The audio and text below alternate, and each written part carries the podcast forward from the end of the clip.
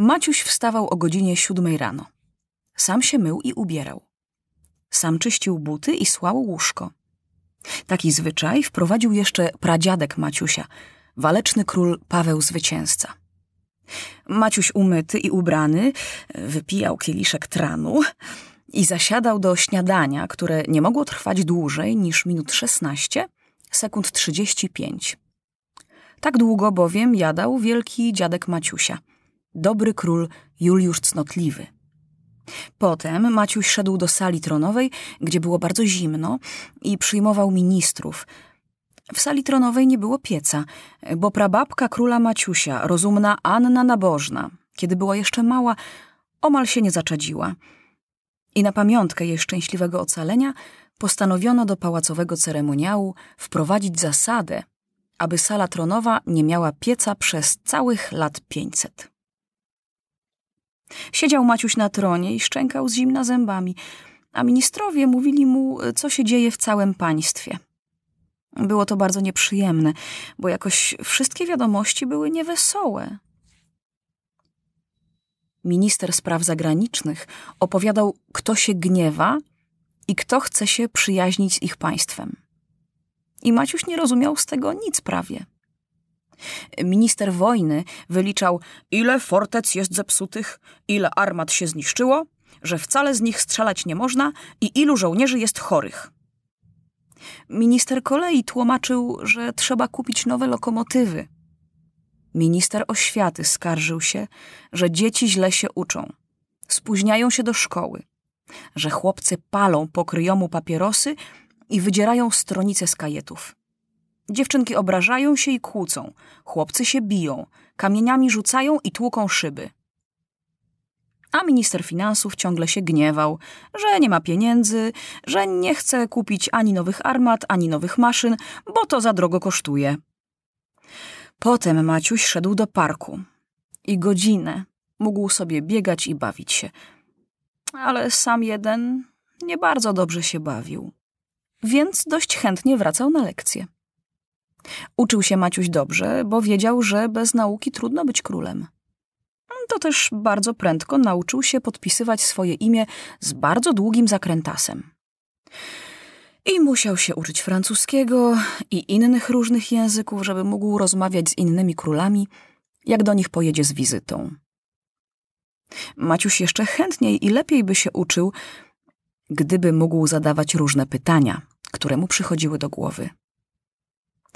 Przez długi czas myślał Maciuś nad tym, czy można wynaleźć takie szkło palące, które na odległość zapala proch. Gdyby Maciuś wymyślił takie szkło, to by wypowiedział wojnę wszystkim królom i w przeddzień bitwy wysadziłby w powietrze wszystkie nieprzyjacielskie prochownie. Wygrałby wojnę, bo tylko on jeden miałby proch. I wtedy od razu stałby się wielkim królem, chociaż jest taki mały. I cóż, nauczyciel wzruszył ramionami, skrzywił się i nic mu nie odpowiedział. Innym razem zapytał Maciuś, mm, czy nie mogłoby tak być, żeby ojciec, jak umiera, oddawał synowi swój rozum. Ojciec Maciusia, Stefan Rozumny, bardzo był mądry. I oto teraz Maciuś siedzi na tym samym tronie i nosi tę samą koronę, ale musi od początku uczyć się wszystkiego. I nawet nie wie, czy kiedykolwiek tyle będzie umiał co jego ojciec. A tak, to by z koroną i tronem otrzymał i męstwo po pradziadku Pawle Zwycięzcy, nabożność po babci i całą wiedzę ojca. Ale i to pytanie nie znalazło życzliwego przyjęcia. Długo, bardzo długo myślał Maciuś, czy nie można zdobyć czapki niewitki. Jakby to było dobrze. Włożył Maciuś taką czapkę, może sobie wszędzie chodzić i nikt go nie widzi. Powiedziałby, że go głowa boli, więc pozwoliliby mu w dzień leżeć w łóżku, wyspałby się dobrze, a w nocy włożyłby czapkę niewitkę i poszedł sobie na miasto. Chodził po stolicy, oglądałby wystawy sklepowe, poszedłby do teatru. Raz jeden tylko był Maciuś w teatrze na przedstawieniu galowym, kiedy jeszcze tatuś i mama żyli. Nic prawie nie pamięta, bo był wtedy bardzo mały, ale wie, że było prześlicznie. Gdyby Maciuś miał czapkę niewidkę, wyszedłby z parku na pałacowe podwórze i zaznajomiłby się z Felkiem. I po pałacu mógłby wszędzie chodzić. Poszedłby do kuchni popatrzeć, jak się gotuje jedzenie, do stajni, do koni, do tych różnych budynków, gdzie teraz wchodzić mu nie wolno. Hm. Dziwnie się może wydać, że królowi tyle rzeczy może być zabronione. Muszę więc wyjaśnić, że na dworach królewskich jest bardzo surowa etykieta. Etykieta to znaczy, że mm, tak zawsze królowie robili i inaczej nowemu królowi nie wolno. Bo gdyby chciał coś zrobić inaczej, to straciłby honor i wszyscy przestaliby go się bać i szanować. Bo to by znaczyło, że nie szanuje swojego wielkiego ojca króla albo dziadka czy pradziadka króla. Jeżeli tylko król chce coś zrobić inaczej, to musi się zapytać mistrza ceremonii, który pilnuje dworskiej etykiety i wie, co zawsze robili królowie. Mówiłem już, że śniadanie króla Maciusia trwało minut 16, sekund 30, bo tak robił jego dziadek. I że w sali tronowej nie było pieca, bo tak chciała jego babka, która dawno umarła i już nie można się spytać, czy teraz piec już postawić pozwoli. Czasem król może coś troszkę zmienić, ale wtedy odbywają się długie narady, tak jak to było ze spacerem Maciusia. Więc nieprzyjemnie jest o coś prosić i potem długo czekać. Król Maciuś był w gorszym położeniu niż inni królowie, bo etykieta ułożona była przecież dla dorosłych królów – a Maciuś był dzieckiem. Więc trzeba było trochę zmienić. Mm, więc y, dlatego Maciuś zamiast smacznego wina musiał pić dwa kieliszki tranu, który wcale mu nie smakował. Dlatego więc zamiast czytania gazet przeglądał tylko obrazki, bo czytał jeszcze nie bardzo dobrze. Wszystko byłoby inaczej, gdyby Maciuś miał rozum ojca króla i czarodziejską czapkę niewidkę. Wtedy byłby naprawdę królem. A tak to sam często nie wiedział, czy nie lepiej było urodzić się zwyczajnym chłopcem, chodzić do szkoły, wydzierać stronice z kajetów i rzucać kamienie.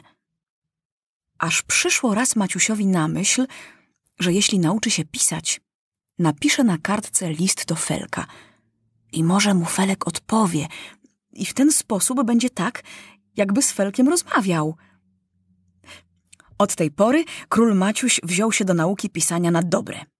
Całe dnie pisał, przepisywał z książki powiastki i wierszyki. I gdyby mu pozwolono, nawet do królewskiego ogrodu nie chodziłby wcale, tylko od rana do wieczora pisał. Nie mógł tego robić, bo etykieta i ceremoniał dworski wymagał, żeby król wprost z sali tronowej wychodził do ogrodu, i już dwudziestu lokajów było przygotowanych, żeby otworzyć drzwi z sali do ogrodu. Gdyby Maciuś nie wyszedł do ogrodu, tych dwudziestu lokajów nie miałoby żadnej roboty i im by się bardzo nudziło. Hm. Może ktoś powie, że przecież żadna robota otworzyć drzwi. Tak powie ten, kto nie zna dworskiej etykiety.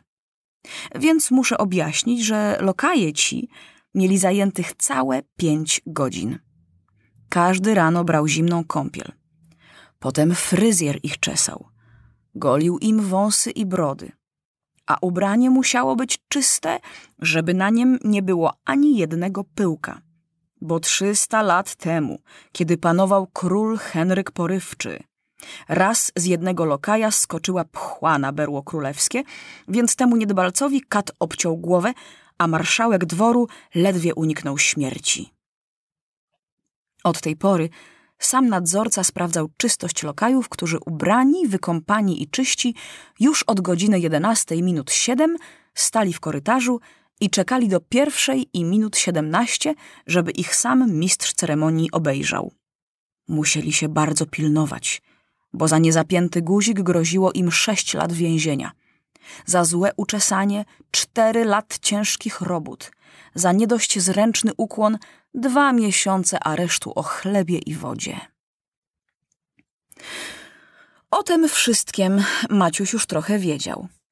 Więc nawet by mu do głowy nie przyszło, żeby nie wyjść do parku. A zresztą, kto wie, może by znaleźli gdzie w historii, że któryś król wcale do ogrodu nie wychodził i powiedzieliby, żeby Maciuś do tego się właśnie stosował. I na nic byłaby wówczas umiejętność pisania, bo jak Maciuś mógł Felkowi list swój przez kratę oddać? Maciuś był zdolny i miał silną wolę. Powiedział, za miesiąc pierwszy list do Felka napiszę. I mimo przeszkód tak dużo pisał i pisał, że po miesiącu już bez niczyjej pomocy list do Felka był gotów. Kochany Felku, pisał Maciuś, już dawno patrzę, jak wy się wesoło bawicie na podwórzu.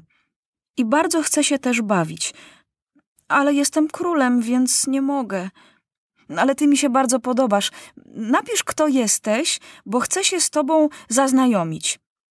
Jeżeli twój tatuś jest wojskowy, może pozwolą ci czasem przyjść do królewskiego ogrodu. Maciuś Król. Mocno biło serce Maciusiowi, kiedy zawołał przez kratę Felka i oddał mu swoją kartkę. I bardzo mocno biło mu serce, kiedy na drugi dzień tą samą drogą otrzymał odpowiedź. Królu, pisał Felek, mój tatuś jest plutonowym straży pałacowej i jest wojskowy. I ja bardzo chcę być w królewskim ogrodzie. Y, I jestem ci, królu, wierny i gotów jestem iść za ciebie w ogień i wodę i bronić ciebie do ostatniej kropli krwi. Ile razy będziesz potrzebował pomocy, gwizdnij tylko, a stawię się na pierwsze wezwanie. Felek. Maciuś położył ten list na samo dno szuflady, pod wszystkie książki i zaczął się gorliwie uczyć gwizdać. Maciuś był ostrożny, nie chciał się zdradzić. Jeżeli zażąda wpuszczenia Felka do ogrodu, zaczną się zaraz narady. A dlaczego? A skąd wie? Skąd wie, jak się Felek nazywa? A jak się poznali? A co będzie, jeśli wyśledzą i wreszcie nie pozwolą? Syn Plutonowego. Żeby chociaż porucznika? Synowi oficera może by pozwolili, ale tak to się na pewno nie zgodzą. Trzeba poczekać jeszcze, zdecydował Maciuś. Tymczasem nauczę się gwizdać. Wcale niełatwo nauczyć się gwizdać, jeśli nie ma nikogo, kto by pokazał. Ale Maciuś miał silną wolę, więc się nauczył. I gwizdnął. Gwizdnął tylko na próbę, żeby się przekonać, czy umie. I jakież było jego zdumienie, gdy w chwilę później stanął przed nim wyciągnięty jak struna felek we własnej osobie. O, jakeś ty się tu dostał? Przelazłem przez kratę. W ogrodzie królewskim rosły bardzo gęste maliny, więc tam ukrył się król Maciuś ze swym przyjacielem, żeby się naradzić, co dalej robić.